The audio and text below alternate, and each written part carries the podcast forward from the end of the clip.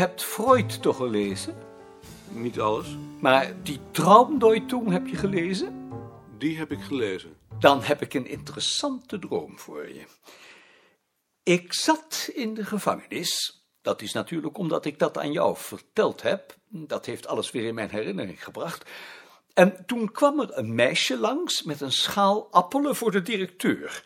Werkelijk een beeldschoon meisje.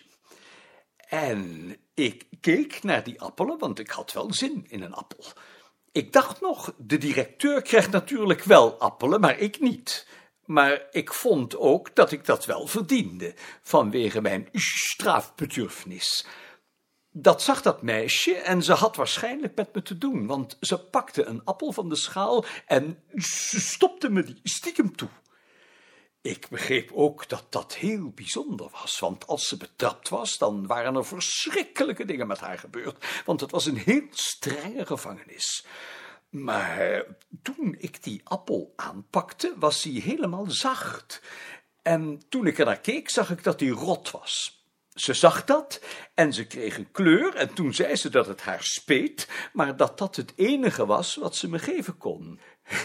En nou moet jij dat maar eens psychoanalytisch duiden. Dat lijkt me niet zo moeilijk. Hoe is dat dan? U hebt toch een vriend die psychoanalyticus is? Die lacht me in mijn smoel uit. Die zegt natuurlijk dat ik met dat meisje naar bed wilde. Ben jij er vandaag? Ik ben er altijd.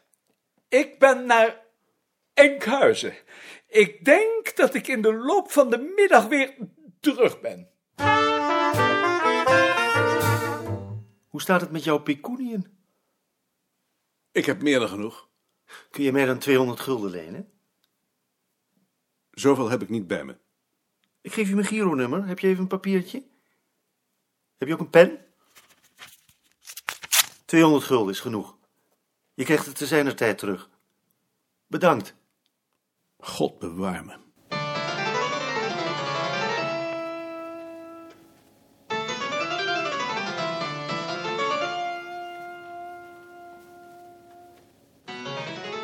Beste Maarten, in totaal heb ik 15 brieven te schrijven. Twee zijn er al klaar, wanhopige brieven. Ik geloof dat ik er nu de pest in heb, dus is het de juiste gelegenheid om jullie te schrijven. Nou, nou, hoor ik je zeggen, daar zullen we eens lekker voor gaan zitten. Maar in je achterhoofd krult de vraag waarom, begrijp ik best. Hoef je je niet voor te generen. Je maniertje om je gevoelens te verbergen heb ik wel door. Dat mag ik gerust beweren, want jij deed ook alsof je mij door hebt. Pardon, had.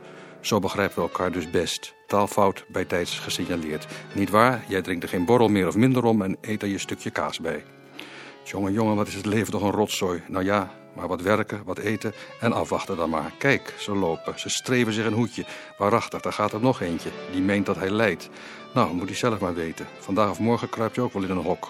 Of anders gaat hij eronder door. Moet hij zelf maar weten, niks aan te doen. Ja, als je goed kijkt, kan je wat zien en lachen. Alleen zorgen dat je een veilige observatiepost hebt. Je staat wel even te kijken als er zomaar een kater je huis binnendringt. Gewoon symbolisch zeg. Een dergelijke kater in je huis. Bij mij was er vorige week bijna één geweest. Nee, niet symbolisch, maar echt. En niet zwart-wit, maar rood. Het had niet veel gescheeld of ik was in mijn kamer uit elkaar gespat. Stel je voor, allemaal bloedspatten op het behang. Dat had een vieze boel geweest. En daar zit je met al je boeken en je meent het boekenlezen te boven gekomen te zijn. Daarom blijf je er zitten, om je eigen spullen te bewaken onder het motto... bewaar het u toevertrouwde pand. Overigens zit ik hier nog veel meer ingepakt dan jij. Nee zeg, niet daarom. Het is er niet als in de diepzee. Nee, die druk kunnen de longen wel verdragen. Nee, Zarathustra bijvoorbeeld is principieel fout. Toen hij de bergen afdaalde, had hij uit elkaar moeten springen. Zie je, dan had er alleen maar een explosie geweest. Geen boek en alles doodstil daarna. Haha, je vermoedt al veel. Ja, er komt ook een tijd dat het leven niet langer onder stoelen of banken wordt gestoken. Dan smijt je het zo ergens neer en zeg je, je, zeg ik zo tegen mezelf, mooi zo. Dat is tenminste achter de rug. Je ziet wel dat ik die pesterij toch niet lang vol heb kunnen houden. Ik heb me alleen geërgerd aan je gekef. Net zoals de hond van mijn grootvader. Nooit deed hij een bek open, behalve die ene keer toen er in een slagerij een stel soortgenoten van hem hingen. Al dus mijn grootvader. Je vindt natuurlijk dat ik aanstellerige regels schrijf. Heb je gelijk in. Ik probeer je echter in dezelfde toon te antwoorden, alleen een beetje harder. Want je hebt op mij voor dat je een dikkere huid hebt.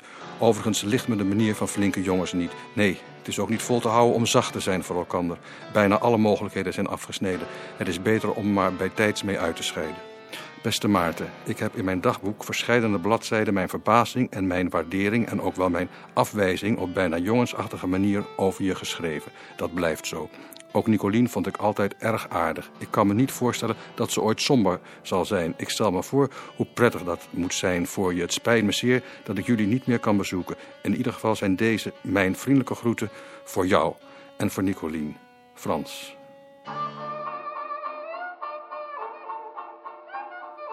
En? Wat vind je ervan? Wat moet ik ervan vinden? Wat je ervan vindt? Je kunt toch wel zeggen wat je ervan vindt? Ik vind het geen aardige brief. Hij is wanhopig. Hij zegt dat hij zelfmoord gaat plegen. Ja, hij is wanhopig, maar hij is nog gereden om zo'n brief te schrijven. En als hij dan zelfmoord pleegt? Dan moet hij dat vooral doen. Het spijt me zeer dat ik jullie niet meer kan bezoeken. Misschien heeft hij al zelfmoord gepleegd. Maar dat zou toch verschrikkelijk zijn? Moeten we daar dan niet iets aan doen? Daar kunnen we niets aan doen. Ik heb trouwens niet de minste behoefte om er iets aan te doen. Als je zelfmoord pleegt, is dat toch geen reden om anders een brief te schrijven? Hij wil de verantwoordelijkheid afschuiven en daar heb ik de pest aan. Zo is hij nu eenmaal. Ja, zo is hij. En dat is precies wat ik op hem tegen heb. Ik kan niet zo hard zijn hoor. Ik heb medelijden met iemand als hij zo'n brief schrijft. Ik dus niet. Hij is vooral tegen jou gericht. Ja, Waarom zou dat zijn? misschien omdat ik gezegd heb dat je niet mag vluchten. En die brief die hem over het vinden van Jonas hebt geschreven, vond hij blijkbaar ook niet prettig. Nee. Dat was wel een aardige brief. Ik vond het een aardige brief. Misschien vindt hij je wel te zelfverzekerd. Je kunt zo zelfverzekerd doen. Maar ik ben toch helemaal niet zelfverzekerd? Nee, maar de mensen denken het. Maar ik kan me toch niet anders voordoen dan ik ben? Dan ik doe? Nee. Wat moeten we nu doen? Niets. Ga je hem niet antwoorden? Op zo'n brief kan je toch niet antwoorden? Het is een afscheidsbrief. Wim Borrel? Met een stukje kaas? Ik heb zo met hem te doen.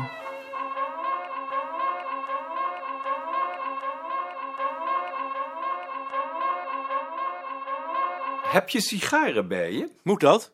Je moet altijd sigaren bij je hebben en een rol flikken.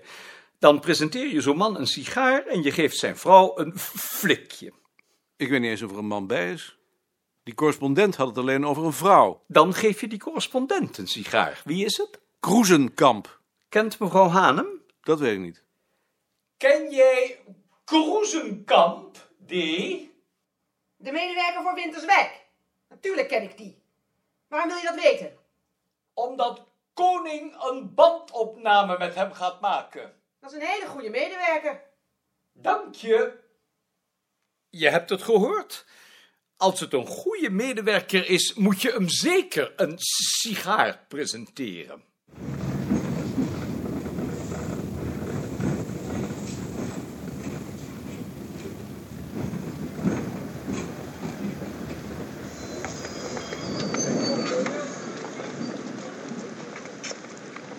Dag meneer Koning, Meneer Kroezenkamp, zo is het. Dit is mijn vrouw. Die heb ik maar meegenomen. Dag mevrouw. Mijn auto staat voor het station. Hoe wist u dat wij het waren? Dat zie je. Mensen uit het westen haal je er meteen uit. En je hebt een bandrecorder bij u. Waar zie je dat dan aan? Aan de manier van lopen en aan de houding, dacht ik. Het is allemaal wat haastiger als bij ons.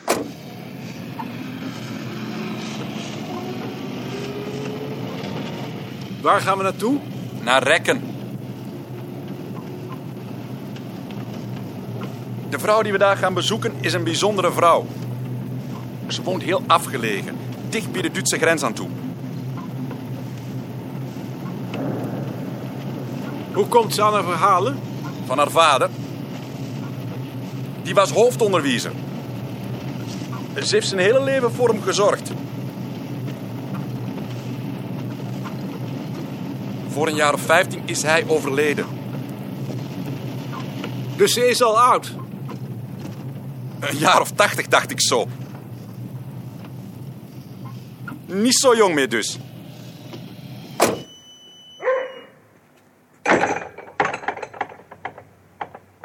je bent er toch. Zal ik maar eerst een cupje thee maken? Dit is nog 60 jaar terug. Dat is nog ouderwets. Zo, en nu laat ik de leiding maar aan meneer Koezenkamp over. Ik mag het toch wel platbroden? Dat is de bedoeling? Verstoor je dat wel? Ja, we kunnen het alleen niet spreken. Zullen we dan maar beginnen? Ik zou eigenlijk graag de pendule stilzetten. Vindt u dat vervelend? Nee. Ik kan me voorstellen dat u dat vervelend vindt, maar het klinkt zo door op de band. Oh nee, dat vind ik niet vervelend. Dat verhaal over het kindje wieren. Dat vond ik altijd een mooi verhaal. Dat van die Roomse knecht. Ja, dat is een mooi verhaal. Dat was van een protestantse timmerman en hij had een Roomse knecht. En de afspraak was dat er nooit over het geloof gesproken zou worden. En dat ging jaren goed. Maar toen een keer met Kassemis, toen knecht naar de nachtmissen wil, dat neemde de Roomse het kindje wiegen. Toen was het weer zo bar en het was zo koud en sneden, dat de baas die zei, zou je niet liever in bed blijven, Anton? Maar de knecht ging toch. En volgende dag zei je, baas, ik ga. Want die baas had toch over het geloof gesproken. Is dat geen mooi verhaal? Ja, dat is een mooi verhaal. Heel mooi. Zoiets verwacht je eerder van een hervormde, niet van een katholiek. Oh, maar die Roomse hebt dat geloof ook wel. Want op de openbare scholen zat ik naast een Rooms meisje. En ik weet wel dat ze ook een morgen op de kinderleren kwam. En dat ze toch zo huilen. Ja, een pastoor was ziek. En ze was bang dat ze dood zou gaan. En hij was al zo oud. En het was toch zo'n aardige man. Ja, en hij ging ook dood. En toen zegt ze, nu moet je me niet weer erover praten, want dan kan ik mijn grien niet laten. En dat mag niet, zegt vader en moeder. Dat is zonde. Dat was zonde, dat ze erom huilden. Ja, Merkwaardig. maar zal ik nu eerst een cupje thee inschenken?